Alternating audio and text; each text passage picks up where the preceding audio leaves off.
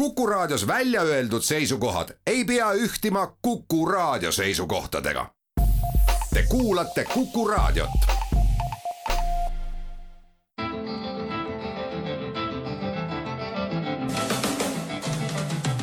julge olla. saate valmimist toetab Kaitseministeerium tere, saade Julge olla alustab, mina olen ajakirjanik Ainar Ruussaar ja täna on hea meel tervitada Kuku raadio stuudios Hanno Pevkurit, kaitseministrit. tänase külalise mõistetavalt tiheda ajagraafiku tõttu oleme saate mõned päevad ette salvestanud, ütlen seda selleks, et kui maailmas selle paari päevaga midagi väga muutub, siis kuulete sellest Kuku uudistes ja teistes päevakaja saadetest. Hanno Pevkur on eelmise ja ka nüüdse valitsuse kaitseminister, ta on olnud Riigikogude erinevate koosseisude liige ja ka aseesimees ning juhtinud Reformierakonda Pevkur on olnud sotsiaalminister, justiitsminister ja siseminister, niisiis elukutseline minister, kes täna vastutab väga keerulistel aegadel otseselt julgeoleku eest. tere veel kord, Hanno Pevkur! tere päevast! alustame Ukrainast, ega me ei saa teisiti. Ukraina võimalik vastupealetung on saanud arvukate oletuste ja spekulatsioonide märklauaks, aga tegelikult viimastel nädalatel ja võib-olla isegi kuudel rinne justkui seisab, edeneb võib-olla kusagil kakssada meetrit, viissada meetrit, mitte rohkem. on see väsimus või on see taktika? Ehm, eelkõige on see seotud kohalike oludega, et äh, selliseid suuri massiive ei saa praegu liigutada ja rasket tehnikat ei saa väga palju liigutada, et seal küll on kuivad alad olemas, äh, aga äh, üsna suur hulk ja oluline hulk siiski on üsna vesine ja, ja noh, nii palju, kui meil sealt infot koguda on õnnestunud, eks ta, eks ta on ka küsimus selles, et milline taktika ja milline üllatusmoment valida, et tuleb aru saada, et täpne selline tõsisem alguse hetk ja, ja täpsem rünnaku suund on ikka miskit, mis peab ka siis agressorile olema üllatuseks, nii et noh, minu, minu hinnangul tegelikult see selline äh, va-, vaikne pealetung on tegelikult alanud, aga jah, sellised suured, kus me võiksime näha ikkagi brigaadide viisi liikumisi, et eh, seda on natukene veel vaja oodata Hanno Pevkur, tsiteerin teid ennast, te olete öelnud, et sõda Ukrainas ei ole sprint, vaid maraton. noh, maraton võib olla päris pikk, kui pikaks see maraton võib kujuneda? me kõik tahaksime ju näha, et see maraton tegelikult äh, oleks võimalikult lühike, et kuigi maratonil on eh, distants ette antud nelikümmend kaks kilomeetrit ja, natukene meetreid peale, viissada üheksakümmend viis, kui ma õigesti mäletan, et siis tegelikult sõja puhul ei ole võimalik jah, väga täpset, väga täpset kulgu ette näha, selge on see, et ukrainlaste soov oleks võimalikult kiiresti see sõda lõpetada, aga lõpetada tingimusel, kus kogu nende alad on vabastatud. ma väga väga loodan, et see sõda ei veni aastate pikkuseks, aga, aga külmutatud konflikti tegelikult oleme, või sellist äh, podisevat konflikti oleme me tegelikult ju näinud alates kahe tuhande neljateistkümnendast aastast, et noh, et oleks vale öelda, et see sõda on kestnud ainult aasta ja natukene peale üle neljasaja päeva, siis tegelikult see sõda on ikkagi kestnud alates kahe tuhande neljateistkümnendast aastast juba. Te, teie teate Ukrainast ja julgeolekust palju rohkem kui, kui mina ajakirjanikuna aga need sõnumid ajavad mind aeg-ajalt ikka väga segadusse. noh, internetist võib leida päris palju videosid sellest, kuidas okupeeritud Krimmi poolsaarel kaevatakse kaevikuid ja rajatakse kaitseehitisi. Äh, Ukraina andmetel on enam kui kakssada tuhat Vene sõjaväelast rivist väljas, kas siis hukkunute või haavatutena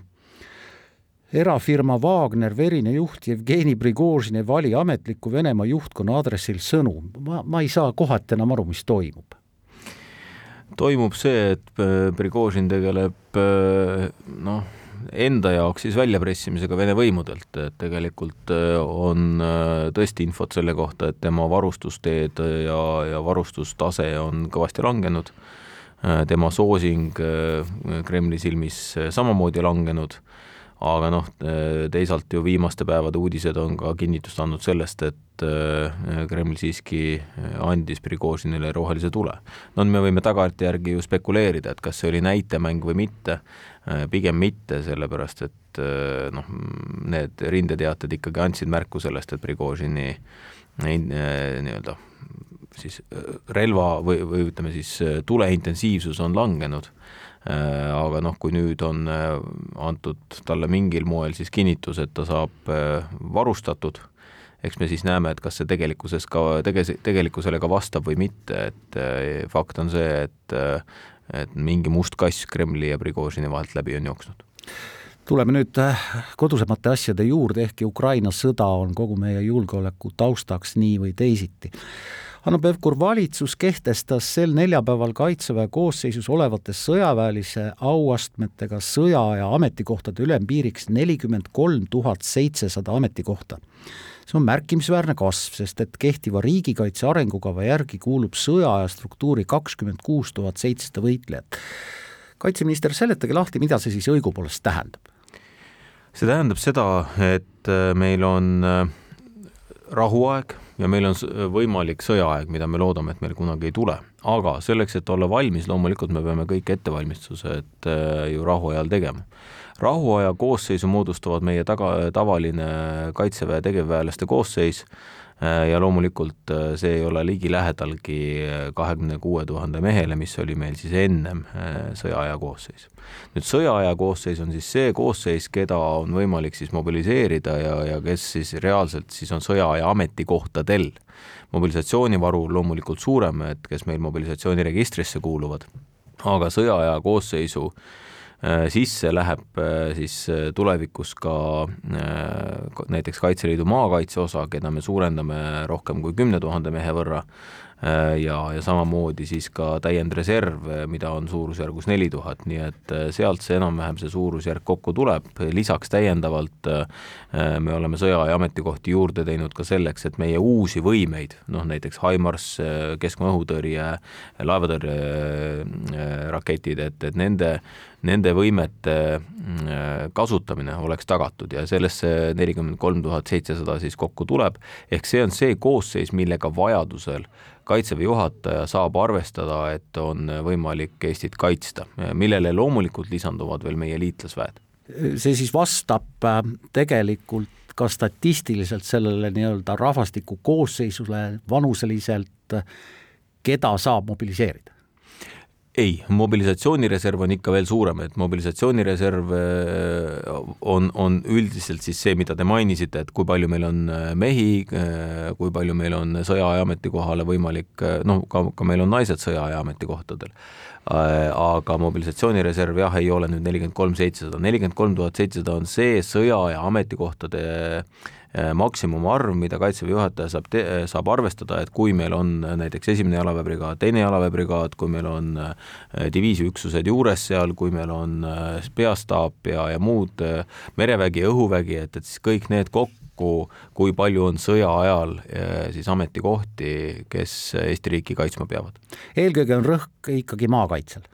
no eelkõige loomulikult, no maakaitse on selles mõttes jälle nüüd on see terminoloogia küsimus, et me räägime maaväest siis sellisel juhul, et maakaitse nüüd kitsamalt on siis Kaitseliidu võitlev osa, et maa, kui me võtame Kaitseliidu, siis Kaitseliidu liikmeid on meil suurusjärgus kolmkümmend tuhat, natukene peale sellest omakorda siis võitlejaid on Kaitseliidus, kes on vabatahtlikuna Kaitseliidu liikmed, neid on suurusjärgus kümme tuhat.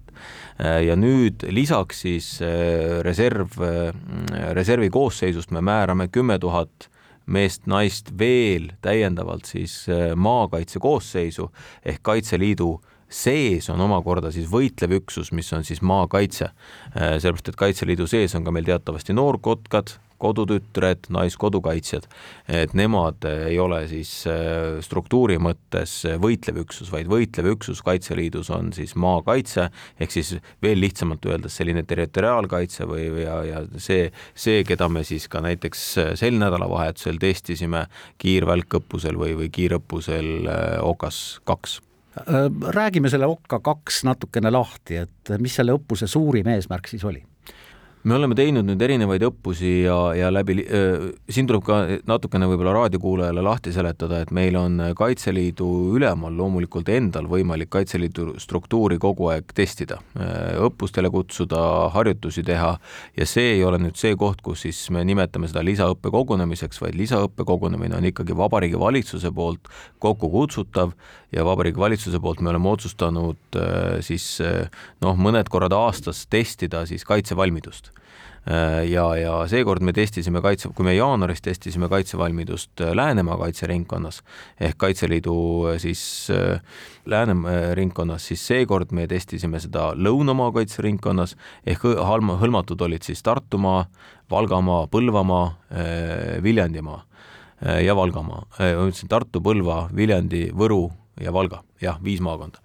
ja eesmärk oli eelkõige teha selline lühikiire õppus, kolm päeva, kus siis reedest pühapäevani me kutsusime välja äh, kaitseliitlased äh, eelkõige ülesandega panna püsti valitsusi, äh, suhelda omavalitsustega, suhelda ettevõtjatega, selleks, et teada saada, et kui on vaja nüüd kriisiolukorras Äh, reaalselt kusagile paikneda või ümber paikneda või kusagile mingisugust äh, sillapead või kontrollposti teha, siis äh, kuhu teha, kes on need inimesed, kellega sealt kohapealt suhelda ja noh, olles terve päeva, ütleme suurusjärgus kolmteist tundi olin ma seal Lõuna-Eestis kohal, siis oli väga hea näha, et tegelikult see õppus läks väga hästi. teeme siin väikese pausi ja siis jätkame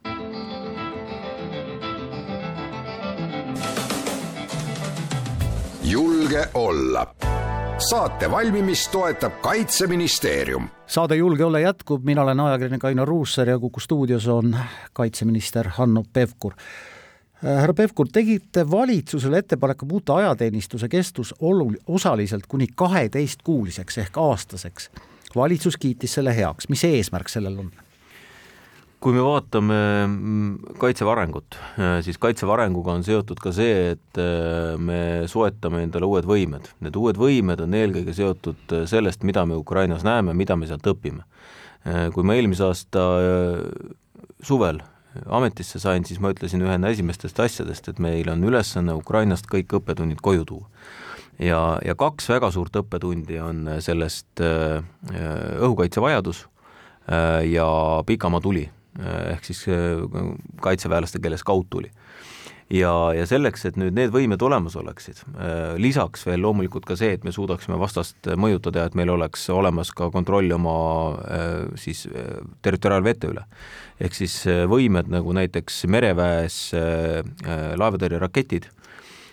samamoodi siis kaudtulest äh, Haimars, äh, samamoodi kaudtulest meie just sõlmitud leping varitseva ühe õhuründemoona toimimiseks ja, ja samamoodi ka siis Eesti relvastusse tulev keskmaa õhutõrje, et siis need on võimed, mis tegelikult peavad olema püsivas valmiduses. ehk ei saa olla niimoodi, et noh, nad on kusagil kuuri all ja ühel hetkel siis võetakse välja ja hakatakse üles seadma, vaid nad peavad olema püsivalt valmis. ja selleks, et seda püsivat valmisolekut nüüd tagada, siis see, see püsiv valmisolek tähendab seda, et meil on äh, ka osaliselt siis ajateenijatega mehitatud nii-öelda püsiv võimekus. ja selle püsiva võimekuse saavutamiseks me näeme, et äh, kaheksa ja üheteistkuuline õpe äh, ei pruugi äh, Äh, olla piisav. Ja seetõttu Kaitseväe juhataja tegi siis ettepaneku, et kasutame ära selles seaduses maksimaalse äh, lubatud piiri, mis on kaksteist kuud üheteist kuu asemel, aga väga kitsal lõigul, ehk siis tegelikult äh, mereväes eelkõige suunitlus õhutõrjele või vabandust, laevatõrjele ja samamoodi siis kaudtuli ja, ja võib-olla mõned üksikud sellised kaitsedistsipliinid veel, aga, aga mis on oluline, et need noored, kes on juba saanud kutse või need, kes asuvad siis teenistusse mm, sellel aastal, et neid see kuidagi ei mõjuta, vaid mõjutab ikkagi tulevasi aastaid ja siis, kui meil tegelikult läheb juba väljaõpe sinna staadiumisse, kus me neid kitsaid erialasid hakkame samamoodi õpetama, aga, aga valdav osa jääb siiski kaheksa ja üheteistkuulise kutse peale nii et äh, see ei puuduta kõiki, kordan selle kuulajale üle, ka tulevikus. jaa, see ka tulevikus ei puuduta kõiki, vaid ikkagi neid võimeid, mida Eestil on vaja hoida püsivas valmidus, valmiduses ehk äh, kakskümmend neli seitse, kolmsada kuuskümmend viis päeva aastas. arvude keeles on tore rääkida, aga arvude taga on reaalne elu ja neid uh, uusi võitlejaid tuleb pidevalt treenida, neil peab olema korralik vajalik varustus relvadest ja laskemoonist, moonast kuni välivormini meditsiinisüsteem peab olema valmis neid aitama, kas me oleme selleks kõigeks valmis? me teeme kõik selleks, et me oleksime selleks valmis, et meil tulevad äh, uued võimed ja tulevad ka mm, uued üksused, äh, seesama mainitud ja juba ennem räägitud maakaitse, siis tegelikult nagu ma ütlesin, meil maakaitse suureneb kümne tuhande võitleja ja, jagu, mis tähendab seda, et äh, nendel kümnel tuhal, kümnel tuhandel võitlejal peavad olema isikukaitsevarustus, peavad olema riided seljas, peavad olema, peavad olema relvad äh, kuni kolm ühes kandesüsteemideni välja. nii et äh, see on äh, loomulikult väljakutse, et Riigi Kaitseinvesteeringute Keskus jõuaks need kõik hankida. me oleme praegu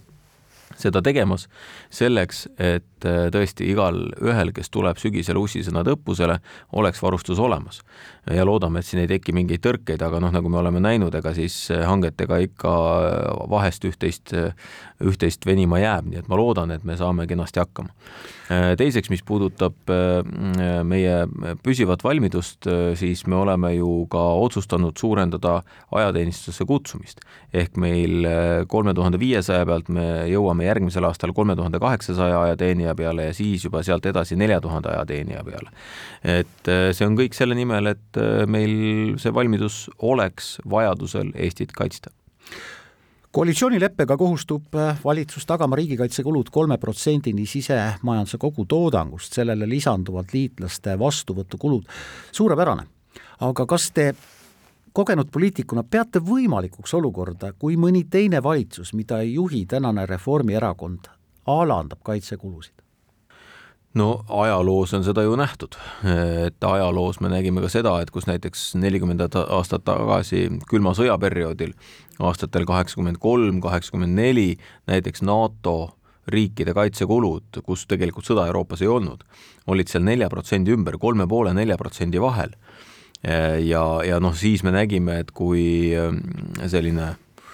üheksakümnendate algusest kuni tänase päevani oli üsna rahulik aeg, külm sõda loeti lõppenuks, et siis tegelikult kaitsekulud kukkusid drastiliselt ja kukkusid üle Euroopa ja noh, see on tähendanud seda, et noh, näiteks Saksamaa vähendas ju tuhandete viisi tanke relvastusest, viiski välja relvastusest ja, ja tegelikult jõudsid need ka siis vanametalli ja, ja see on tähendanud seda, et tegelikult väga suur osa Euroopa riike on praegu probleemi ees, kus laod on tühjad äh,, isegi relvastus, mis on laos olemas äh,, ei ole hetkel kasutuskõlblik, vaid ta vajab nii-öelda ülesputitamist. Ka sellesama Ukraina abistamise raames läbi käinud Leopardi koalitsiooni puhul ju, ehk siis Leopardi tankide puhul räägiti sellest, et on vaja tankid töökorda seada. Nii et see, see kaitsekulude vähendamine on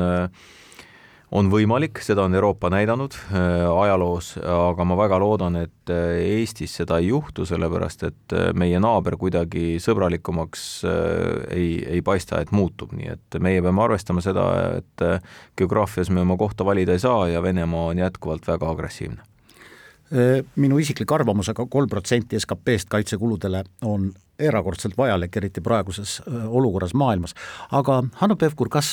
kas me saame vaadata ka teistpidi, et kui mõne riigi kaitsekulud, nii-öelda kaitsekulud või sõjalised kulutused ületavad noh, ma ei tea, viis või kuus protsenti SKP-st, siis me võime seda riiki nimetada noh, agressiivseks või? kaitsekulud ise ei muuda ühtegi riiki agressiivseks. agressiivseks muudab riigi ikkagi riigi juhtkond. ega siis tavainimesed ka ei ole ju agressiivsed, et kui riigi juhtkond on diktaatorlike mõtetega või agressormõtetega, et siis juhtuvad sellised teod, nagu me nägime Gruusias, nagu me nägime kaks tuhat neliteist Krimmis ja nagu me näeme siis praegu Ukrainas. ja, ja kui me vaatame nii-öelda võimalikke vajadusi riigikaitseliselt Euroopas, siis ka see viis-kuus protsenti, tunnistan ausalt, ei ole grammi eestki palju, sellepärast et noh, et kui me tahaksime saavutada olukorra, et riikidel oleksid äh,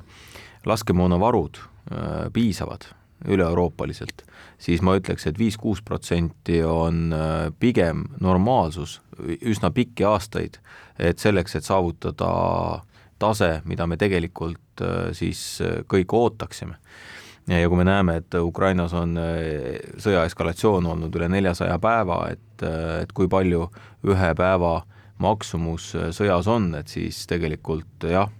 ma, ma ei ole kuidagi seda meelt et, viis-kuus protsenti oleks ka palju, aga loomulikult on see tasakaalu leidmine ühiskonna vajaduste, maksumaksja võimaluste ja, ja siis riigikaitsesse panustamise vahel ilmselt tõsi on, ma kujutan ette, et äh, suur hulk hulk Iisraeli elanikke tuleks tänavatele, kui keegi ütleks, et langetama kaitsekulutused kuuelt protsendilt kolmele, aga aga see riik on ka hoopis teises olukorras. Äh, härra Pevkur mm,, aeg-ajalt võib lugeda ja kuulda, et Venemaa võib olla mineerinud lääneriikide merealuse taristu, kas see on mingi hirmujutt või, on sellel mingi alus? Kui vaadata eh, kaablite ja torude hulka erinevates maailma meredes, eh, alu-, alustades siit meil kodusest Läänemerest ja, ja liikudes üle siis juba ka näiteks Atlandi ookeani, siis eh, need kilomeetrid ulatuvad ikkagi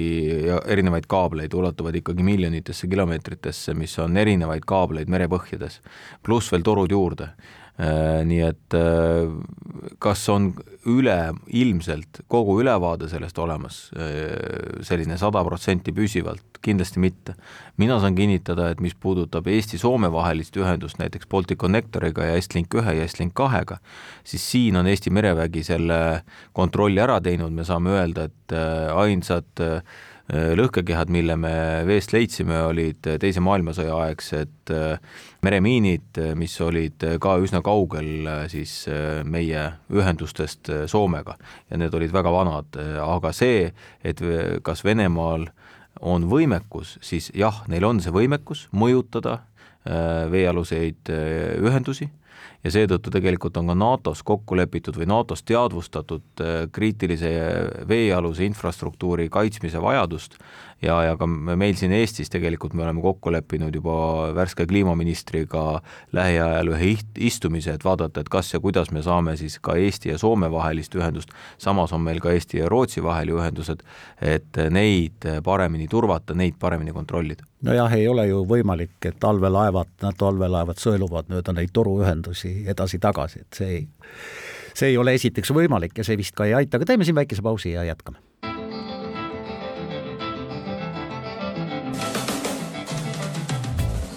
julge olla. saate valmimist toetab Kaitseministeerium saade Julge olla jätkab, mina olen ajakirjanik Ainar Ruussaar ja täna on Kuku raadio stuudios kaitseminister Hanno Pevkur. härra Pevkur, lugesin hoolikalt koalitsioonileppe julgeolekupunkte ja mõned noppisin välja. valitsusliit on seadnud eesmärgiks kahekordistada vabatahtlikult ajateenistusse tulevate naiste arvu ja suurendada seekaudu sõjalisse kaitsesse panustavate naiste hulka. milleks? vaadake, Kaitsevägi on äh, alati püüdnud olla hea tööandja ja tegevteenistus äh, peab olema äh, üks reaalne võimalus ka naistel oma elukutset valida. et sa oledki elukutseline tegevväelane. ja, ja selleks, et rohkem teadvustada, selleks, et rohkem võimaldada naistel äh, valida elukutseks ka endale tegevväelane, on see punkt ellu kutsutud ja, ja meie siiras soov ja, ja, ja tahe on äh, leida tegevteenistusse rohkem naisi. Äh, meil on väga palju võimekaid naisi täna Kaitseväes teenimas, aga me sooviksime seda arvu tõepoolest suurendada. Koalitsioonileppes on eraldi punkt, mis seab Kaitseväe arendussuundadeks mitmekihilise õhutõrje sealhulgas droonitõrjevõimekuse väljaarendamise, lisaks maaväe ja kaudtule tugevdamisele. noh, Ukrainas toimuvat vaadates tundub, et droon on üha olulisem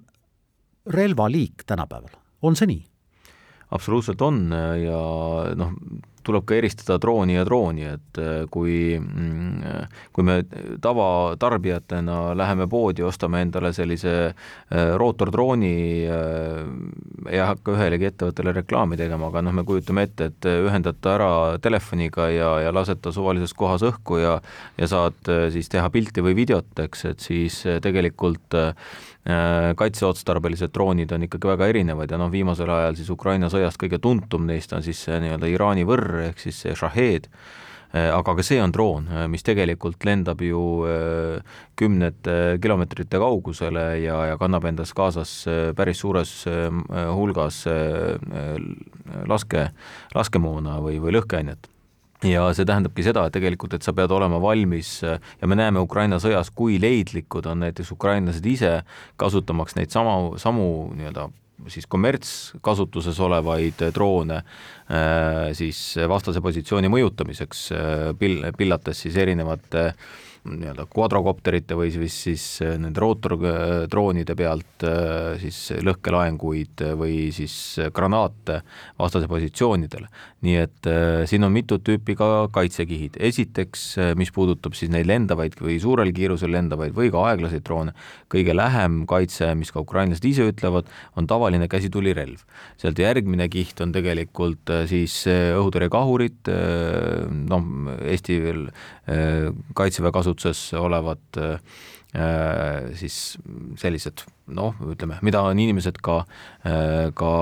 siis meie paraadidel näinud ja mille nimi siis hellitavalt on Sergei, aga samamoodi sealt edasi tegelikult juba Mistralid, me oleme ise soetamas endale biorunne, mis juba mõjutavad küll visuaalselt nähes, aga ikkagi mitme kilomeetri kaugusele lendavaid vahendeid. Ja sealt edasi juba läheb siis keskmaa-õhutõrjesse ja ballistiliseks kaitseks, nii et see on see mitmekihilisus. Ja selle mitmekihilisuse juures tuleb arvestada, et sinna tuleb lisada lisaks kineetilisele mõjule või siis äh, äh, relvaga mõjutamisele ka elektroonilised relvad, elik äh, kopterite mõjutamine elektroonilisel viisil, et nad, need aju nii-öelda sassi ajada ja siis nad maha tuua. nii et see ongi väga mitmekihiline ja see tähendabki seda, et meil peab see võimekus olemas olema, et nende ohtudega tegeleda. Hanno Pevkur, ega me Nursipalust ei saa üle ega ümber ja MTÜ, mittetulundusühing Meie Nursipalu ei jäta ka. Nad saatsid kirja NATO peasekretärile Jens Stoltenbergile. Te teate ilmselt aimata, kui palju taolisi kirju võib NATO juht saada. ta ei loe ju Nursipalu rahvakirja läbi, eks ju kindlasti tema kontoris keegi loeb, et ega siis, kui peaministrile saadetakse kiri, siis ka selle keegi loeb läbi ei pea kindlasti eeldama, et seda teeb alati peaminister, aga, aga tundlikumad teemad kindlasti jõuavad äh, ka riigi tippjuhtideni ja, ja näiteks ka NATO tippjuhini. nüüd äh, selle puhul muidugi tuleb arvestada, et äh, meie olemegi NATO. et kui, kui saata kiri NATO peasekretärile, siis tegelikult me saadame kirja endale. et meie enda huvides ja me, on see, et ja NATO huvides tervikuna on see, et allianss oleks tugev ja see, et, et meie kõik Äh, piirid, kõik territooriumid äh, oleksid kaitstud. ehk see loosunglause, et kõik ühe, üks kõigi eest või see, et me kaitseme igat tolli või igat ruutmeetrit äh, NATO territooriumist, tähendabki seda, et ka NATO peakontor peab seisma igal ajahetkel selle eest, et Eesti riik oleks kaitstud. ja kui NATO soovib seista selle eest, et Eesti riik oleks kaitstud, siis peab siinne sõdur või ka liitlassõdur omama siinse äh, Äh, oluga head kokkupuudet ja, ja tundmist ja see tähendab ka seda, et harjutatakse koos ja harjutatakse Eesti äh, tingimustes. nojah, aga selle mittetulundusühingu Meie Nursipalu kirjas on noh, see on päris emotsionaalne kiri ja ma, ma ühtepidi võin neid inimesi äh, mõista. Nad kirjutavad näiteks seda, et Eesti on ehitanud kogu iseseisvusaja oma riigikaitset vastavalt oleme nagu siil, iga okas loeb. meie taktika on selline, mis sobib hajaasustustega maapiirkondadele. suured metsad on pakkunud sõdade ajal kaitset ja nii edasi ja nii edasi. nii ongi, mida te neile vastate? harjutusala tagab ju ka meie kaitsevõime. ma kujutan ette, et te umbes nii ütlete no loomulikult ma seda nii ütlen, sellepärast et äh, ükski sõdur ei saa olla hea, kui ta ei ole seda äh, nii-öelda põllul harjutanud ja ei ole võimalik ette kujutada seda, et kõik tööd tehakse ära digitaalselt, jah, tehakse ju digitaalselt ka väga palju harjutusi, aga maastiku tundmine äh, ja, ja kui me võtame nüüd Eesti asukoha, siis midagi, midagi ei ole teha, meie äh, geograafiline asend tähendab seda, et oht saab tulla idast. Ja see idast tulev oht tähendab seda, et üle Peipsi on ikkagi äraütlemata keeruline, see tähendab seda, et saab oht tulla kas kirdest või kagust ja sellepärast on ka meie brigaadid, meie esimene nii-öelda vastupanuvõime vastasele. Äh, esimene jalaväebrigaad äh, Tapal suunaga Kirde suunal ja teine jalaväebrigaad Kagus suunaga siis Kagu suunal. nii et see on igati loogiline ja, ja need alad, mida me seal või kus me soovime harjutada, ongi ju mõeldud selleks, et vastast mõjutada, et ja keegi me ju ei taha seda, et tegelikult ütleme, kogu, me kogu aeg peab olema ikkagi eesmärk see, et asustatud aladest äh, hoida sõjategevuse eemal ja aga noh, ma ei taha kuidagi kedagi hirmutada, aga lihtsalt, et kui me vaatame seda, et me peame olema valmis Eesti riiki kaitsma igal pool ja alati, siis see tähendab seda, et me peame harjutama ja harjutada saab ainult äh, maastikul, ei ole võimalik harjutada spordisaalis.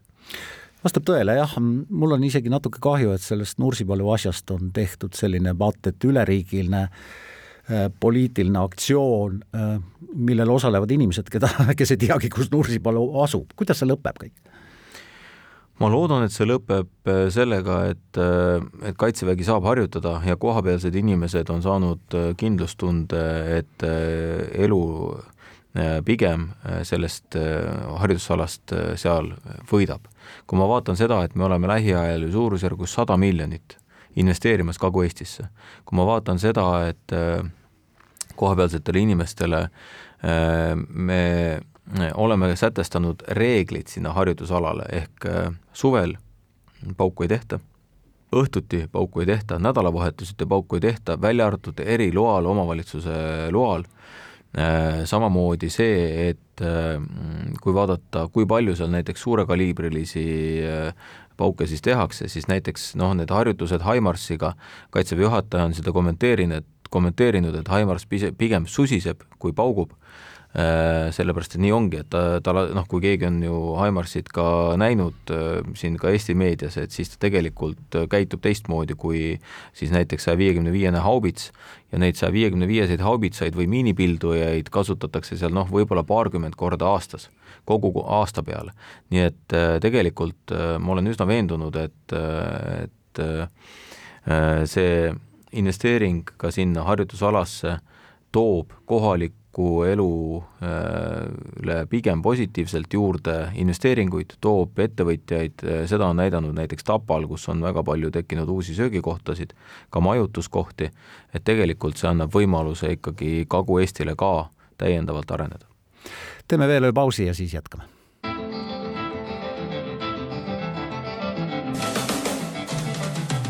julge olla saate valmimist toetab Kaitseministeerium saade Julge olla jätkab oma viimast veerandit, ajakirjanik Ainar Ruussaar ja minu vastas Kuku stuudios on kaitseminister Hanno Pevkur. üheteistkümnendal, kaheteistkümnendal juulil on Vilniuses NATO tippkohtumine. selle tippkohtumise lõppedes, seda väidan mina, peab NATO saatma eelkõige Venemaale, aga ka mõnele teisele Putini agressiivset režiimi toetavale riigile võimsa ja mõistetava sõnumi, on mul õigus? See sõnum äh, on loomulikult see, mis sealt tuleb äh, ja see sõnum tegelikult on seotud eelkõige sellega, et NATO on ühtsem kui kunagi varem. NATO on suurem kui kunagi varem, äh, NATO-ga on juba liitunud Soome, ma olen üsna veendunud, et Vilniuseks on NATO liige ka Rootsi ja, ja see tähendabki seda, et tegelikult, et NATO hoiab kokku. ja, ja lisaks kõigele, mida Vilniuses kindlasti saab näha, on see, et et eh, need uued kaitseplaanid, mis erinevatele regioonidele tehakse, sealhulgas Baltikumile, eh, on heaks kiidetud. Ja, ja noh, see heaks kiidetud kaitseplaan tegelikult annab nii meile kui ka meie vastasmängijale teadmise tegelikult, et NATO on läbi planeerinud kõik siinse regiooni kaitseks vajalikud tegevused. Ja, ja nüüd on veel nii-öelda aasta, alles jäänud aasta jooksul ja järgnevate aastate jooksul Äh, vaja hakata harjutama seda, et, et kuidas seda tegelikkuses äh, siis äh, rakendada, aga ka sellega ma olen veendunud, saab NATO kenasti hakkama. ma mäletan Madriidi tippkohtumisi järel, kui Eesti ei saanud kutset NATO-sse aastal üheksakümmend kaheksa oli see, kui mälu mind ei peta, oli ikka pettumus väga suur, milline saab, peaks olema Vilniuse tippkohtumise sõnum, mis on suunatud Ukrainale? Et ei läheks nii, nagu Gruusias läks, kus väga paljud inimesed on pettunud, sellepärast et nad ikka ja ikka ei saa kutset NATO-sse. No üks, mis on oluline NATO puhul, on avatud uste poliitika. Ja tegelikult äh, Ukraina puhul kõik saavad aru sellest, mida ütles ka president Zelenskõi viimastel kohtumistel nii Helsingis kui Haagis, et äh, ka Ukraina rahvas mõistab, et Ukraina ei saa olla NATO liige seniks, kuni on sõda aga teisalt äh, vajab Ukraina rahvas kindlasti sõnumit, et äh, ta on oodatud NATO-sse, kui sõda on läbi. ja eks meie asi on ka vaadata, et see sõnastus ja see otsus, mis sealt Ukraina suunal välja tuleb, on ühest küljest piisavalt jõuline, teisest küljest selge ja arusaadav eelkõige ukrainlastele, et jah, see perspektiiv säilib ja, ja nad on oodatud NATO-sse, kui on sõda läbi ja kui selleks on kõik tingimused täidetud. No kaitsekulutused NATO sees on olnud pikalt äh, arutluse all, meie kolm protsenti on suurepärane näide, noh, on veel riike, kus kaitsekulutused on üle kahe protsendi, aga on NATO liikmesriike, kus nad ei ole kaks protsenti. kas NATO tõepoolest ei saa kokku leppida, et kaks protsenti on minimaalne, mida praeguses julgeolekuolukorras äh, riigikaitsesse panustada? NATO liikmesriigid on väga erinevad. loomulikult meie nõudmine ja meie soov eh, tegelikult mõnda aega on juba olnud isegi kõrgemal, olen mina öelnud seda NATO kaitseministrite kohtumisel välja, jätkan ütlemist, et tegelikult me peaksime liikuma põrandani, mis on kaks pool protsenti ja nüüd selle äh, mündi teine pool on see, et näiteks äh, Luksemburg, kellel on väga suur sisemajanduse kogutoodang ja kes absoluutnumbrites tegelikult panustab väga palju, aga kelle armee on äraütlemata väike, äh, panustab oma kaitsekuludega teisel viisil, et ja, ja noh, nemad näiteks pakuvad NATO liikmesriikidele õhuvahendite remonti, õhuvahendite toetust ja aitavad väga palju kaasa kosmose Äh, programmides, äh, sealhulgas sideprogrammides ja, ja satelliitprogrammides, nii et selles mõttes äh, ma saan ka Luksemburgist ühest küljest aru, miks nad ütlevad, et nendel on väga keeruline kahe protsendini jõuda, sellepärast et see tähendaks, et ühe sõduri kohta, mis nad, ma ei mäleta seda täpset numbrit, aga nad ütlesid, et äkki oli suurusjärgus nelikümmend tuhat eurot läheb ühele sõdurile, et, et ei ole justkui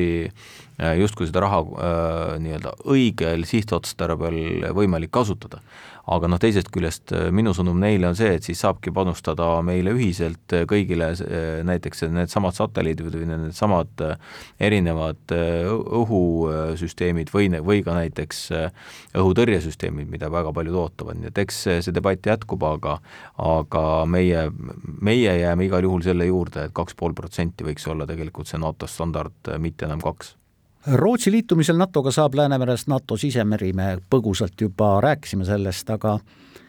minu küsimus teile on see, et kui Läänemerest saab NATO sisemeri, siis äh, kuidas tunnevad ennast äh, Kotlini saarel asuva Kroonlinnaga ja mere lõunakaldal asuva Königsbergi, vabandust, Kaliningradiga, Kaliningradis teenivad Vene mereväelased ja Vene, Vene sõjaväelased. Äh, nende jaoks on see ikkagi hoopis teine olukord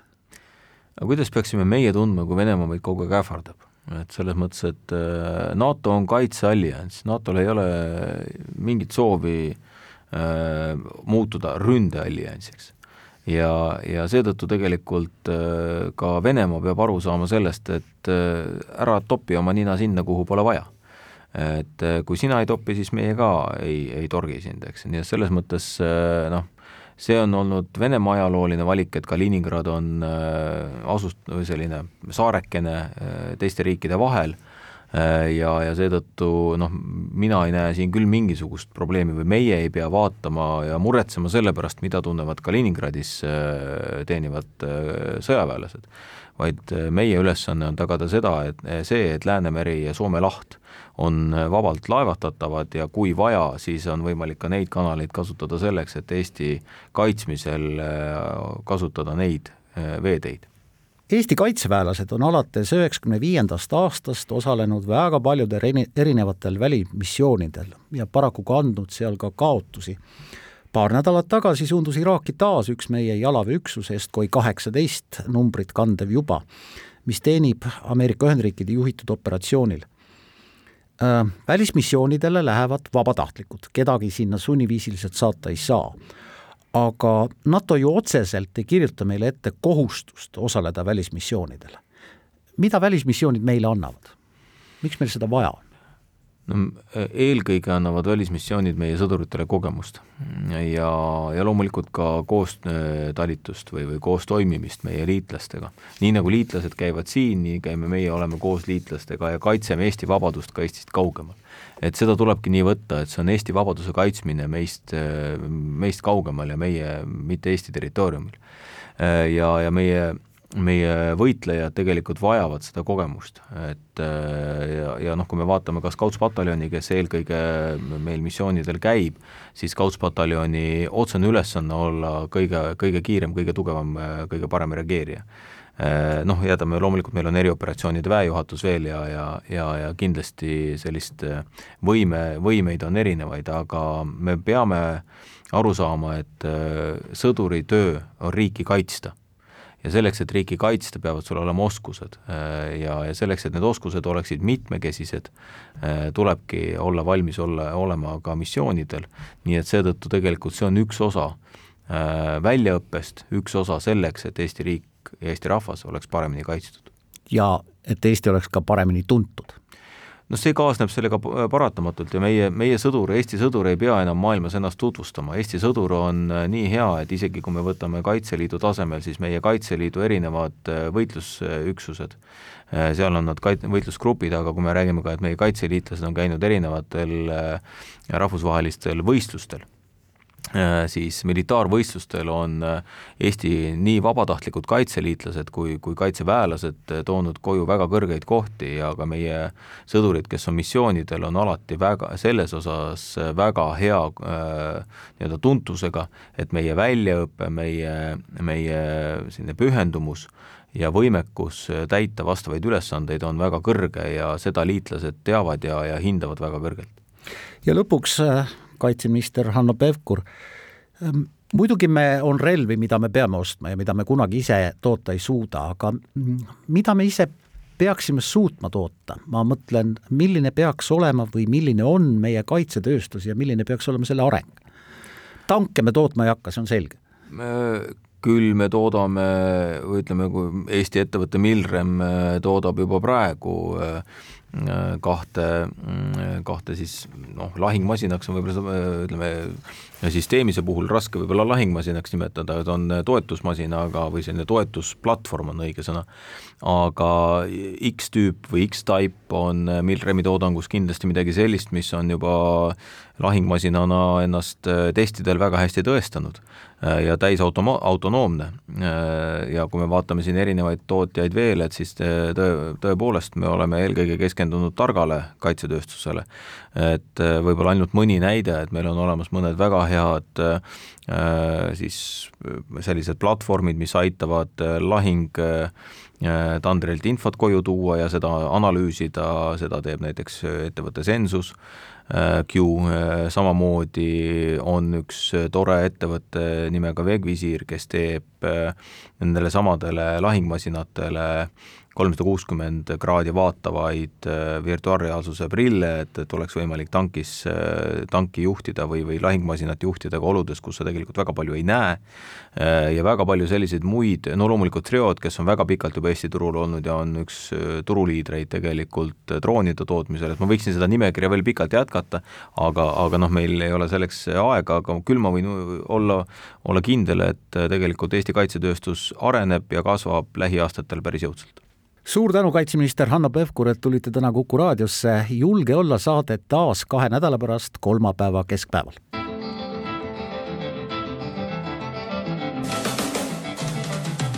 julge olla. saate valmimist toetab Kaitseministeerium